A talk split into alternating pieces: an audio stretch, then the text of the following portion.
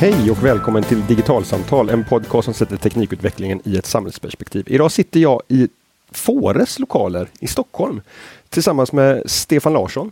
Hej Stefan! Tjena, tjena! Du är docent i teknik och social förändring vid Lunds universitet på den tekniska fakulteten.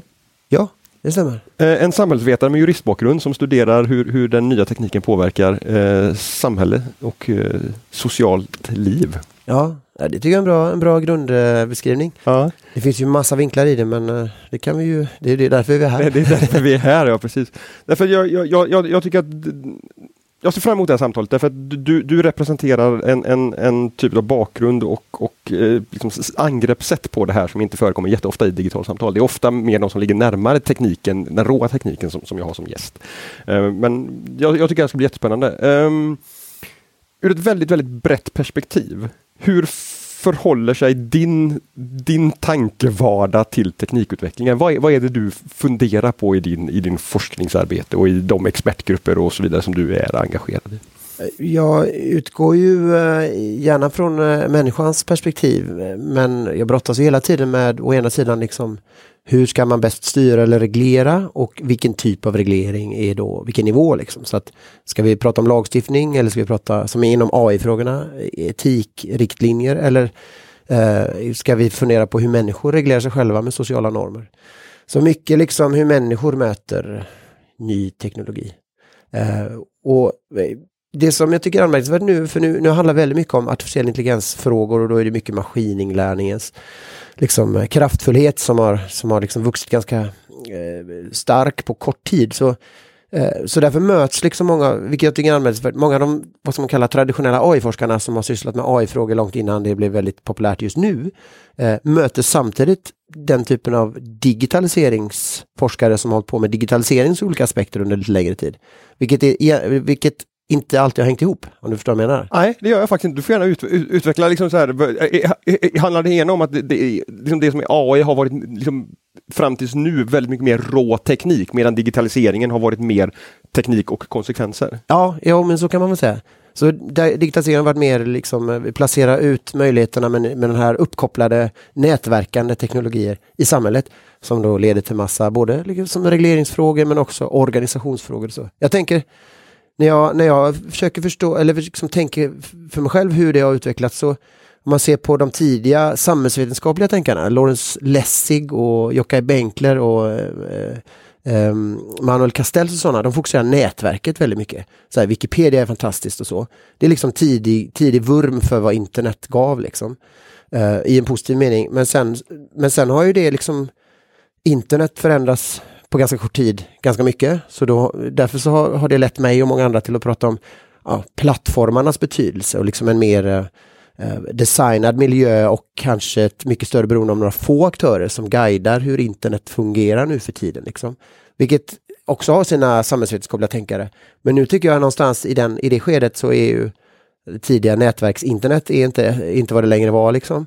Samtidigt som vi nu kopplar på AI och automation och liksom ja, det som kommer från ett annat håll egentligen, som inte har mött samhällsvetenskapliga frågor och regleringsfrågor så mycket. Det vill säga ja, artificiell intelligens i dess rikedom eller vad. Och, och, och det innebär dessutom då att vi, vi har gått från ett, ett, ett väldigt distribuerat internet Ja. eh, till, ett, till ett ganska stor utsträckning centraliserat internet på ett, ett, ett Ja. fåtal plattformar som nu dessutom då eh, är väldigt väl positionerade att dra nytta utav, utav AI och maskininlärning för att de sitter på sådana enorma da, datavolymer. Så, att, Ja. så, det, det, blir också en, en, nu en koncentration utav den här liksom, möjligheten att, att utveckla använda den här tekniken men också då Eh, väldigt mycket utav dess, dess konsekvenser ligger i knäna på de här plattformarna också. Ja, så kan man säga, absolut. Och samtidigt så är det ju, hänger det ihop, eh, plattformarnas tillväxt hänger ihop med datainsamling och datainsamlingen eh, har gett behovet av automation. Alltså ska man administrera plattformar med ja, över en miljard användare så måste man automatisera massa och man, man, är hela tiden, man har hela tiden incitament att försöka administrera så, så liksom smart som möjligt med så lite organisation som möjligt. Så att man automatiserar och, och sen när man, eh, alltså man bidrar till utvecklingen i sig också. Det är inte så att AI-utvecklingen har skett vid sidan av det där utan det hänger ihop. Liksom. Funktionaliteten är delvis ett utfall av plattformarnas sätt att eh, ja, hitta, vad ska man säga, kommersiella sätt att förvalta den här teknologin. Så att det går inte att separera dem heller. Men, men nu är, det betyder ändå att internet och digitalisering har förändrats ganska mycket över ganska kort tid. I det här mötet mellan den, den traditionella digitaliseringsforskningen och AI-forskarna, AI-forskningen, vad, va, va, vad händer i det mötet? Vilka liksom så här, eh, vilken friktion uppstår och vad, vad finns det samsyn? Liksom så här, vad, vad händer i det mötet? Friktionen är väl eh, kanske en klassisk att, eh, att teknikvetenskaper brukar vara på en del av, eh, av planhalvan och de som man ibland kallar mjuka vetenskaper som då är liksom varianter av samhällsvetenskap och humaniora, de är på andra sidan och inte liksom aldrig mötas till tur. Liksom. Men alltså nu när man både ser och börjar få förståelse för dels etiska aspekter, värdegrundsaspekter, eh, hur eh, sociala normer reproduceras med automatiserade teknologier, då, då, måste de mötas. Och det, den, det är då uppsidan tycker jag, att man börjar förstå behovet av den flervetenskapliga approachen. Alltså teknikvetarna eh, slår sig samman med liksom, samhällsvetarna och humanisterna. Vilket jag tycker är, är behövligt och nödvändigt och jag ser en del eh, liksom hoppfulla initiativ i, det, i den i den ändan. För, för, för, det är någonting som jag hör, hör liksom så här, nämnas ganska ofta i både intervjuer som jag gör för podden men också i andra intervjuer, just det här behovet av att det här är så otroligt komplexa frågor. Eh, så det räcker liksom inte att det sitter några tekniker på ett hörn och funderar på det här och någon jurist på ett hörn och någon liksom ekonom på ett hörn, utan man måste få till den här liksom, samla alla de här olika angreppssätten och sätten att tänka på det i, kring, kring samma bord. Kan, kan, du ge exempel på liksom, sammanhang där det här tvärdisciplinära diskussionen om det här försiggår, som, som, som du är en del utav? Eh, tydligast kanske, jag har två forskningsprojekt som jag startar upp i år som båda är väldigt mycket uttryck för det. Det ena är um, inom loppet för något som heter VASP och så heter det VASP HS, det vill säga humaniora samhälle. För det första tycker jag det är fantastiskt bra att VASP som har varit väldigt orienterat åt ganska ren teknikforskning faktiskt har sett att oh, vi måste även förstå konsekvenserna och liksom relationssamhället. Sen har jag lyckligtvis fått finansiering då ihop med Fredrik Heinz som är en AI-vetenskaplig, eller vad säger jag, en datavetenskaplig AI-forskare och jag då med min samhällsvetenskapliga och rättsliga bakgrund. Och vi har ett projekt ihop. Där, och det tycker jag är ett uttryck för att vi måste hitta liksom mötena i det. För att det är dels extremt tekniskt svårt eh, och i vårt fall handlar det om konsumenters möte med eh, AI. Så att så tänk dig eh, ansiktsigenkänning för att låsa upp sin telefon eller att man pratar med högtalare som fattar vad man säger och sådär. Det blir ju ett slags vardaglighet och möte i det, men för att fatta för att fatta utmaningar och möjligheter så bör man både ha någon med god kännedom om faktiskt hur, hur det tekniska är byggt liksom, men också någon som tänker så här, okej, okay, vilka regleringsområden kickar igång här? Konsumentskydd, hur är det med det? Dataskyddet, alltså hur förstår vi integritet här? Och sen liksom sociala normer och beteende. Så att det projektet tycker jag är väldigt mycket så. Det andra projektet jag, som vi också startar upp nu är ett medicinskt AI-baserat projekt, eller man ska säga registerforskningsprojekt. Det är liksom ett, finns ju en, en del inom medicinsk forskning som jobbar mycket med statistik och register. Eh, som nu har slått sig samman med algoritmforskare som är väldigt bra på att liksom applicera algoritmer på stora mängder data. Och så tänker de så att här går det att skapa massa nyttor inom medicinsk forskning. Samtidigt som man då eh, bjuder in mig kan man säga som säger att ah, det finns vissa transparensfrågor och tillitsfrågor här också. Hur ska vi, hur ska vi se till att människor och de användarna av de här systemen vågar använda dem, alltså om de nu är så komplexa att man inte riktigt fattar hur de kom fram till sitt utfall. Liksom. Så det här mötet med människan. Eh, så alla de här frågorna leder ju till att måste, vi kan liksom inte, alltså hade bara medicinforskarna varit där så hade de inte kunnat algoritmerna så väl som den här tekniska algoritmforskarkompetensen kan. Och hade det bara varit det så hade man nog inte riktigt tittat på de etiska och de rättsliga frågorna i det, eller kanske tillitsfrågan i en, i en slutanvändare, mm. vilket är ytterligare en komponent. Då. Så att det blir ju så, det finns så himla många facetter i det liksom. Speciellt om man vill nå nyttorna utan att trampa allt för hårt i klaveret eller vad man ska säga. En utmaning inbillar jag mig då som står utanför den akademiska världen när det, när det kommer de här, till de här sakerna, är att vi, att vi har en situation där teknikutvecklingen går liksom så här helt vansinnigt fort på de här områdena just nu. Samtidigt som forskning är en ganska långsam process. Ja. Hur, hur förhåller man sig till det när man liksom sitter i de här forskningsprojekten oavsett om det handlar om konsumenter och AI eller medicin och AI. Där, där, där det från näringslivet och liksom från andra håll är ett orätt tryck på att det här ska gå fort och det händer mycket. Lanseras tjänster, produkter och så vidare och så ska man försöka Ja. ja det, det, man kan väl ändå erkänna att det är en utmaning helt enkelt. Eh, men det är en utmaning även för regleringsfrågorna. Mm. För reglering är ju också ett fält som inte som inte känner för snabbhet. Och det, det finns ju många styrkor med, med, med tröghet och långsamhet eh, och man vill inte att heller regleringen ska vara, eh, ändras varje kvartal. Liksom. En, dags, en dagsländare. liksom. Eller ett nytt politiskt parti eh, som styr om allting. Liksom. Men, men, men jag, jag får ändå, det är, det är såklart en utmaning. Jag tänker att några av uttrycken av idag kring regleringsidéer eh, som vi har sett på bland annat europeisk nivå handlar ju om etiska riktlinjer. Det tolkar jag, så mitt senaste kapitel handlar ju om att styra AI med etiska riktlinjer. Jag försöker förstå vad det betyder.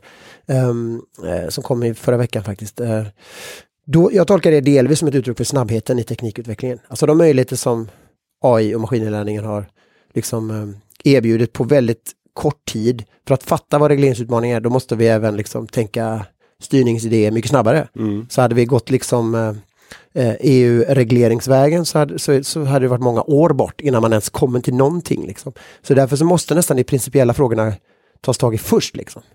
Eh, du säger okej, okay, har vi någonting med ansvarsfördelningsfrågor? Ja, vad är det mer vi har sett i den nu, så nya kritiska forskningen också? Då? Ja, då är det transparensfrågorna och det är även liksom eh, unfairness eller schysthet eller ska, rättvisefrågorna. Men, men är det saker som, som, som mynnar ut i, i branschöverenskommelser och, och branschstandarder och så vidare då, snarare än i, i, i lagtext? Eller, eller liksom så här, hur, hur, hur, hur styr man med hjälp av de, den typen av förhållningssätt? Jag skulle säga att det, det är, även om etiska riktlinjerna är ett uttryck för liksom kritisk förståelse som är på tillväxt just nu. Det, bör, man, det, det är fler vetenskapliga team som börjar fatta uh, utmaningar och nyttor samtidigt. Och då är etiska riktlinjer ett uttryck för styrnings frågan. Eh, och det finns å andra sidan många initiativ som är på gång nu så att vi är just nu i en ganska stor rörelse som jag ser det. Där det finns fler utfall då. Den ena är ju reglering liksom. Och då kommer frågan ställas på nationell men även på EU-nivå. Vi kommer snart se EU-kommissionen komma med utspel så som den nya eh, presidenten för kommissionen lovade innan hon tillsattes.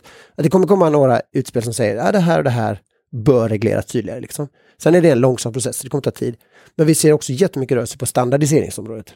Som är mer liksom tydligare branschen. Vad, vad kan branschen komma överens om då? Vilka typer av liksom benchmarks eller liksom ja, okej okay nivå tycker vi är okej? Okay. Men, men, en, en, en liksom så här, maktbalans här mellan lagstiftaren och, och en bransch brukar ju vara liksom det här man pratar om självreglering och, och, och så vidare och att branschen brukar vilja ha det därför att då slipper man hårda lagar och så kan vi liksom så få röra oss inom ett eget ansvar. Och så där. Kommer det funka här tror du? Eh, jag tror att det dels kommer funka, dels inte kommer funka. Det är väl det tråkiga forskarsvaret. Men, men för att det är just i rörelse. Och en, det är klart att det finns en del av kritiken mot de, de här etiska riktlinjerna som, som, som EUs expertgrupp publicerade förra året.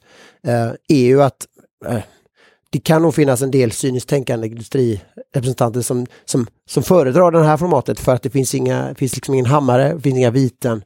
Eh, så därför så har man hellre etiska riktlinjer för att slippa liksom eh, ja, hard law som kan ha eh, ordentliga sanktioner. Absolut, det elementet finns ju. Men å andra sidan så så, tycker man, så finns det ju också en rad företag, och en rad sammanslutningar som liksom dels driver på standardiseringen och dels publicerar sina etiska principiella ställningstaganden, vilket jag tycker ändå är positivt. Liksom.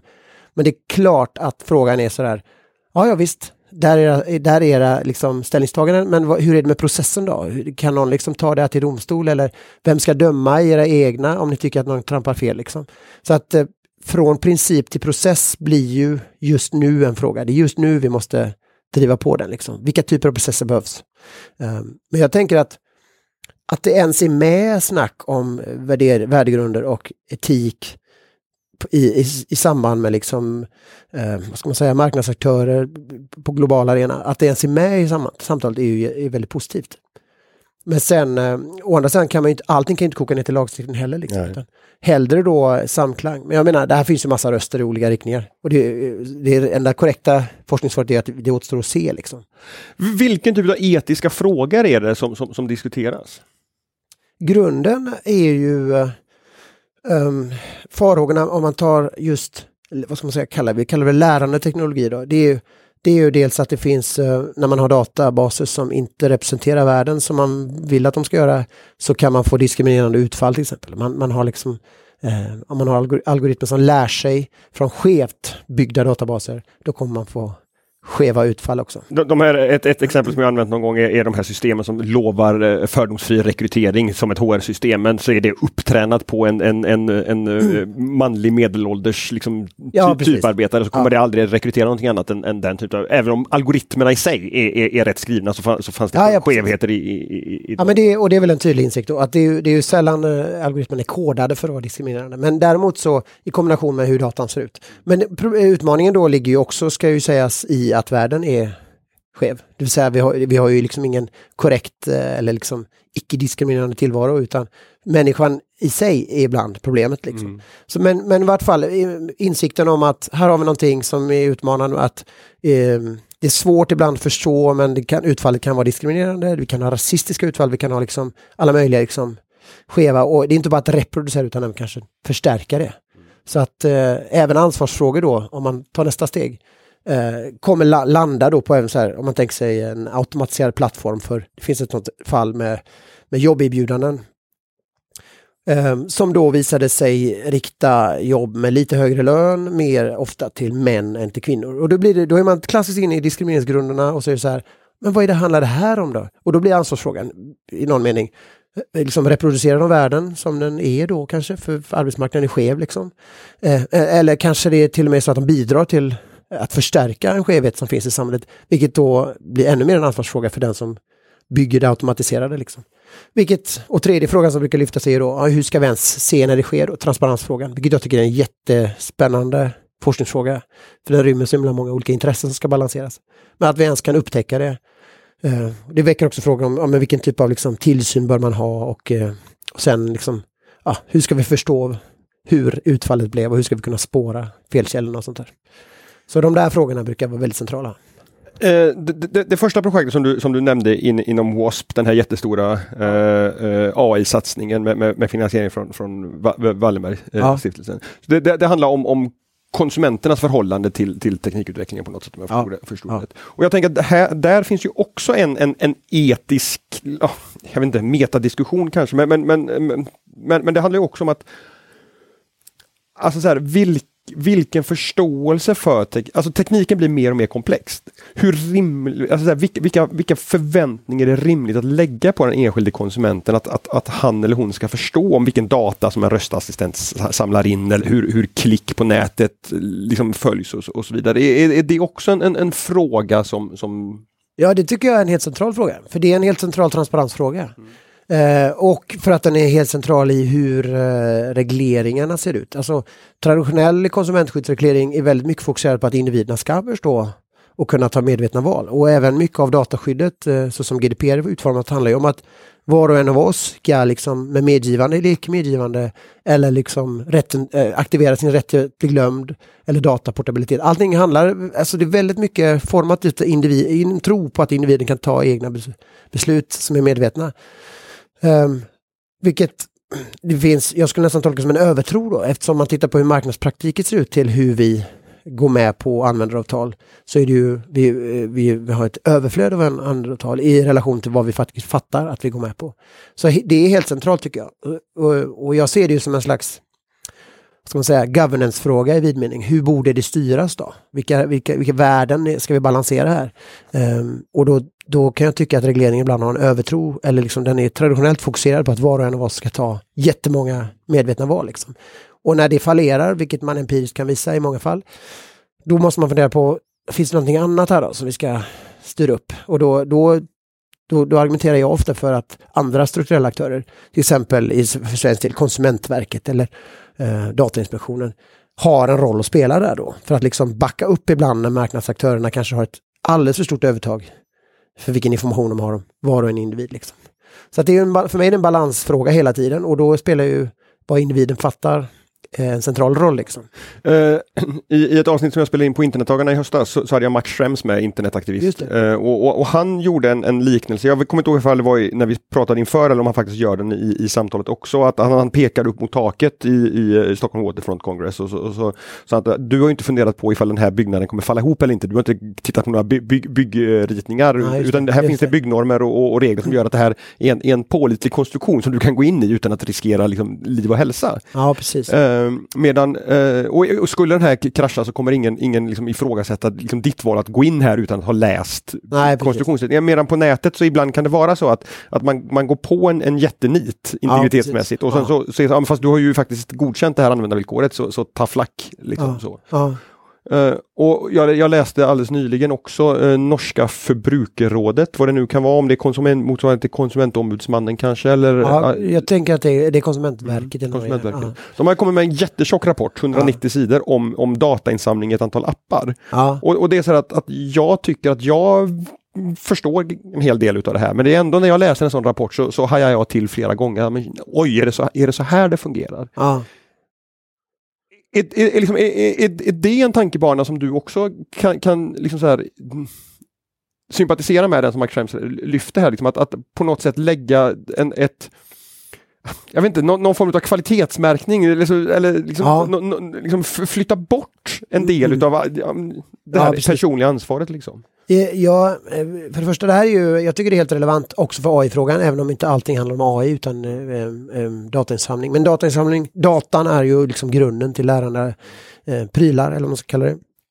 Jag tycker Max Schrems sätt att eh, vad ska man kalla det, eh, reframa med en ny metafor. Det får alltså faktiskt fundera på vilka förväntningar man har på individen när det gäller datainsamling kontra vilka förväntningar man har när det gäller liksom byggnaders hållfasthet. Och det tycker jag är rätt snyggt, snygg reframing. Um, som får en att fundera på, kanske ska man egentligen då behöva öka liksom, eh, vad ska man säga, normen för eh, eh, vad som, vad, vilka krav man ska ställa på datainsamlare. Det vill säga att eh, det måste, ja, mindre ska ligga på var och en individ. Speciellt när det handlar om en så komplex och så multifacetterad liksom, eh, teknisk kompott som en, till exempel en smartphone är. Liksom, som både har tillverkaren, operativsystemet, apparna. Liksom. Det är många nivåer av komplexitet i det. Liksom. Det är extremt svårt. Samtidigt så ah, tävlar de lite grann också då. Och sen finns det ju båda aktörer som absolut vill göra gott. Sen finns det de som, som har affärsmodeller som helt drivs av att samla in data. Sen finns det de som också som struntar helt i individer. De bara liksom försöker skrapa åt sig allt de kan. Liksom. Men eh, jag, jag, skulle nog, jag, jag är sympatisk till den reframingen som Mats mm. gjorde. Säga, jag skulle gärna se mer strukturellt skydd eller omhändertagande eh, i brist på att individer faktiskt har någon möjlighet att fatta hur komplext det är.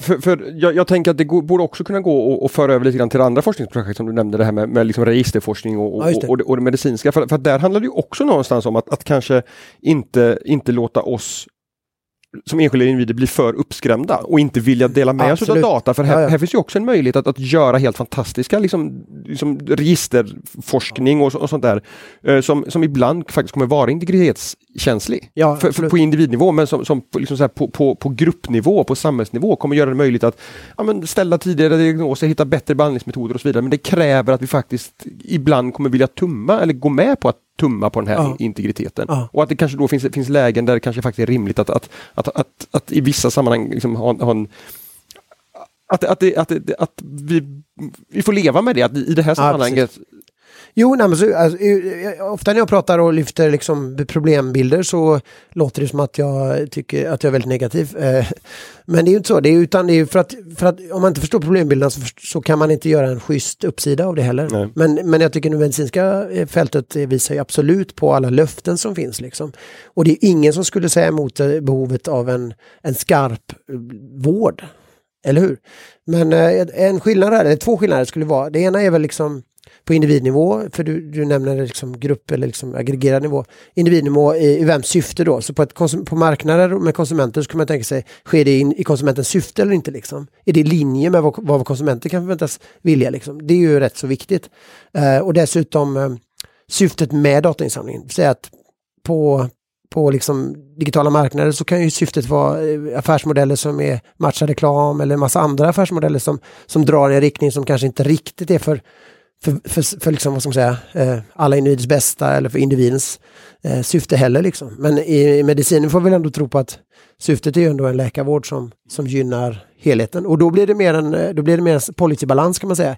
Hur, på vilket sätt ska vi som lagstiftare då, eller liksom, ehm, eh, om vi tillåter oss kalla det, kallas det eh, få balansera mellan individens liksom, eh, nytta och icke-nytta kontra kollektivets nytta. Liksom. Det allmän, allmänna allmännas intresse kontra liksom individens intresse.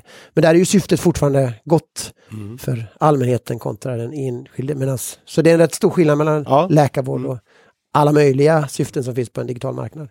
Men jag håller med, och det är inte en fråga, den är inte den är inte så enkel heller. Lagstiftaren tar ju såklart ställning och, och samtidigt brottas man med liksom patientdatalag och liksom GDPRs ställningstaganden i ja, hur långt ska det allmännas intresse sträcka sig då för åtkomst till eh, eh, personuppgifter till exempel. Då. Så att den frågan är helt klart närvarande då. Och samtidigt så är den ju en utmaning om man tänker sig forskning i det medicinska området som får tillgång till mycket data baserat på, på nyckeln som är liksom allmän, allmänintresse.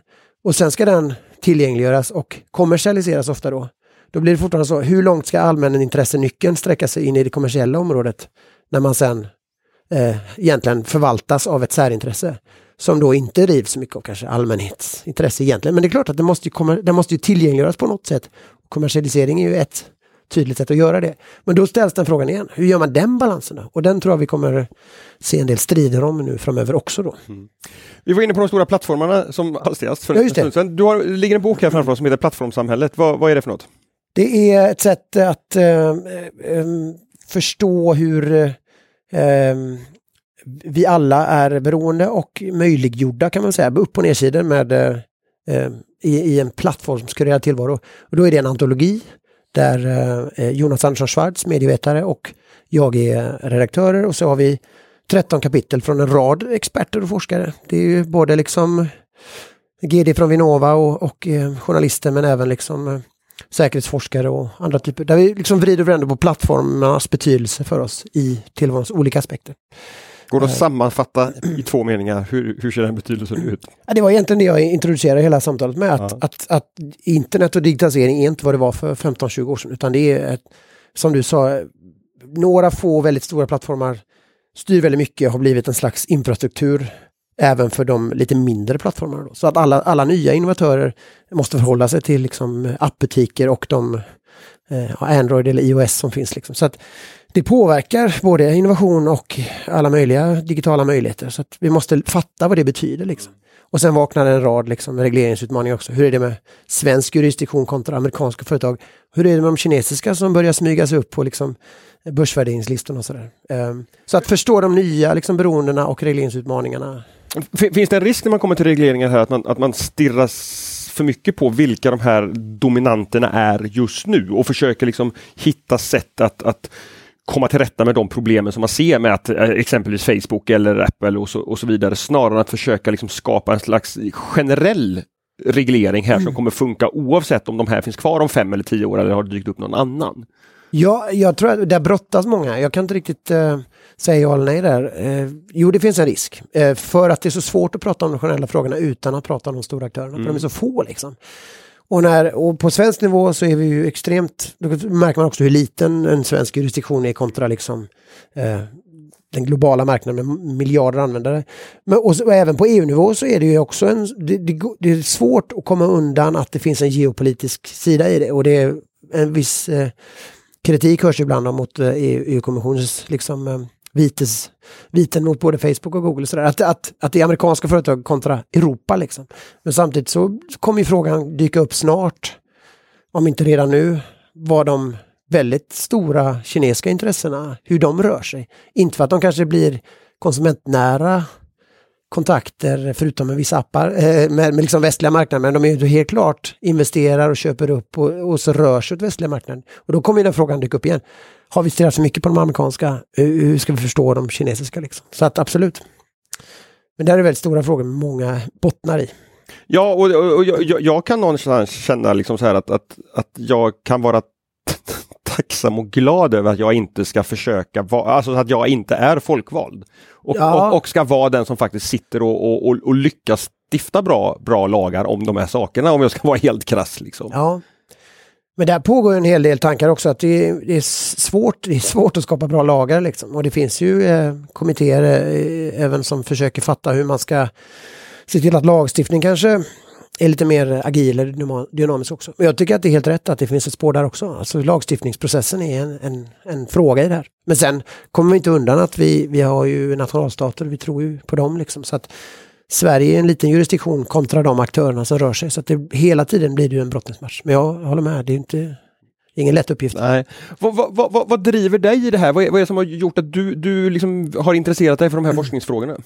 Eh, jag har ju eh, sedan eh, dag ett som lite uttråkad juriststudent eh, tyckt att juridiken är fantastisk om den får möta samhällsfrågorna. Och då när jag eh, började läsa då var ju fildelningen väldigt mycket eh, en grej med The Pirate Bay och så. Så att hela tiden då har jag hela tiden jagat liksom att ja, ny teknik ändrar förutsättningar i samhället, påverkar hur människor beter sig, påverkar marknader och vad står regleringen i det? Liksom. Så att ny teknik stuvar om hela tiden förutsättningarna. Så att jag har hela tiden följt den bollen och följt den forskningsfrågan hela tiden kan man säga. Och nu har jag landat i via liksom internet, nätverk, plattformar i AI-frågor också då. Och vilket gör också att jag kan inte se, eller jag vurmar väldigt mycket för, kanske man ska säga, å ena sidan flervetenskapliga samverkan. Jag ser liksom både liksom Såklart, det låter självklart nu när vi har pratat om det men liksom ekonomerna måste träffa juristerna, juristerna måste träffa teknologerna och kulturvetarna ska vara med. Du vet sådär, det behövs och universiteten brukar inte vara byggda för det. Så därför måste man anstränga sig lite extra för att bygga de nätverken. Och det, som vi gör försökt till exempel i Lund med AI Lund där vi försöker samla forskare från alla fakulteter för att mötas. Det är å ena sidan, men sen vurmar jag också mycket för att forskare vi kan inte heller, eh, bör inte vara för benhårt i våra elfenbenstorn heller, utan det finns ett samhällsbidrag som, som jag gärna vill odla, vilket är ett uttryck, jag menar, eh, på Fores eller eh, Konsumentverket som rådgivare, eller DIGG som har en utredning nu som jag försöker bidra till också.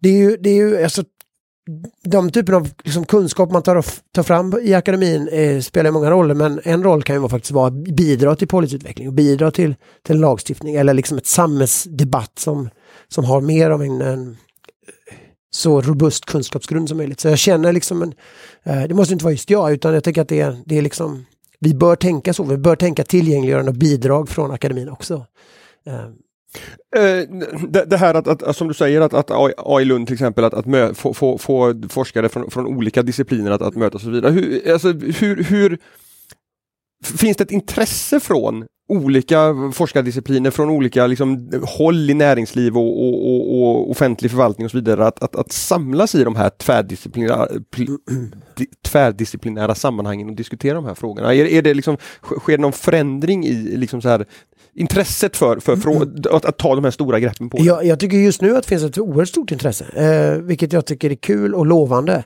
Jag ser, eh, vi hade ju, eh, vi bjöd in DIGG när de släppte sin senaste rapport om hur man bör främja, de har ju ett regeringsuppdrag på att främja användning av AI i offentlig sektor. Då bjöd vi ner dem till Lund och så bjöd vi in folk. Liksom. Och då blev det snabbt liksom fullt i vår 200 pers sal liksom, av folk som är intresserade. Och då är det både liksom myndigheter, forskare och näringsliv som är i salen och så hade vi liksom panel och sånt.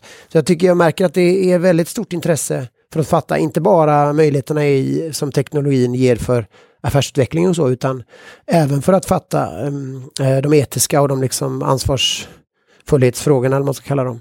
Eh, så att man liksom känner att, att det blir en schysst utveckling, en schysst AI som vi tillämpar. Det finns ett väldigt stort intresse och det tycker jag, det, det känner, jag känner med hoppfullhet kan man säga. Tycker du att förutsättningarna finns där för att, att, att vi faktiskt liksom ska, ska kunna känna oss trygga med, med liksom vart hen utvecklingen är på väg kring, kring de här frågorna? Uh, ja, jag tycker... Uh, hur ska man se på det? Det var en svår fråga. Jo, jag, jag känner ingen stor dystop, dystopisk vision över det här. Jag ser ju, jag letar ju mer efter tecknen i liksom hur fin finansieringen till forskning går till och vilka typer av samverkan man kan få till. Och då ser jag, jag ser med tillförsikt på, på en rad liksom, utvecklingsområden. Som att, som att VASP även finansierar humaniora och samhällsvetenskap. Eller som att EUs expertgrupp är tillsatt och att den landar i eh, Ehm, betoningen av tillförlitlig AI eller trustworthy AI. Det är ju en slags värdegrundsvariant av AI som jag inte ser i andra delar av världen strategiskt. Utan, så EU tar liksom ställning här och det tycker jag också talar i linje med någon slags, ja vi behöver nog ha en värdegrund med liksom.